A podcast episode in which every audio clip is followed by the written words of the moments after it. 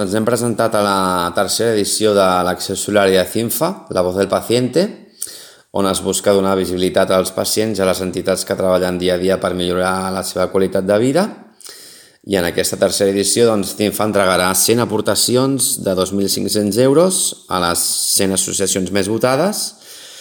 i és tot molt senzill, molt fàcil. S'ha de clicar un link que tenim penjat a totes les nostres xarxes, l'associació Forsame,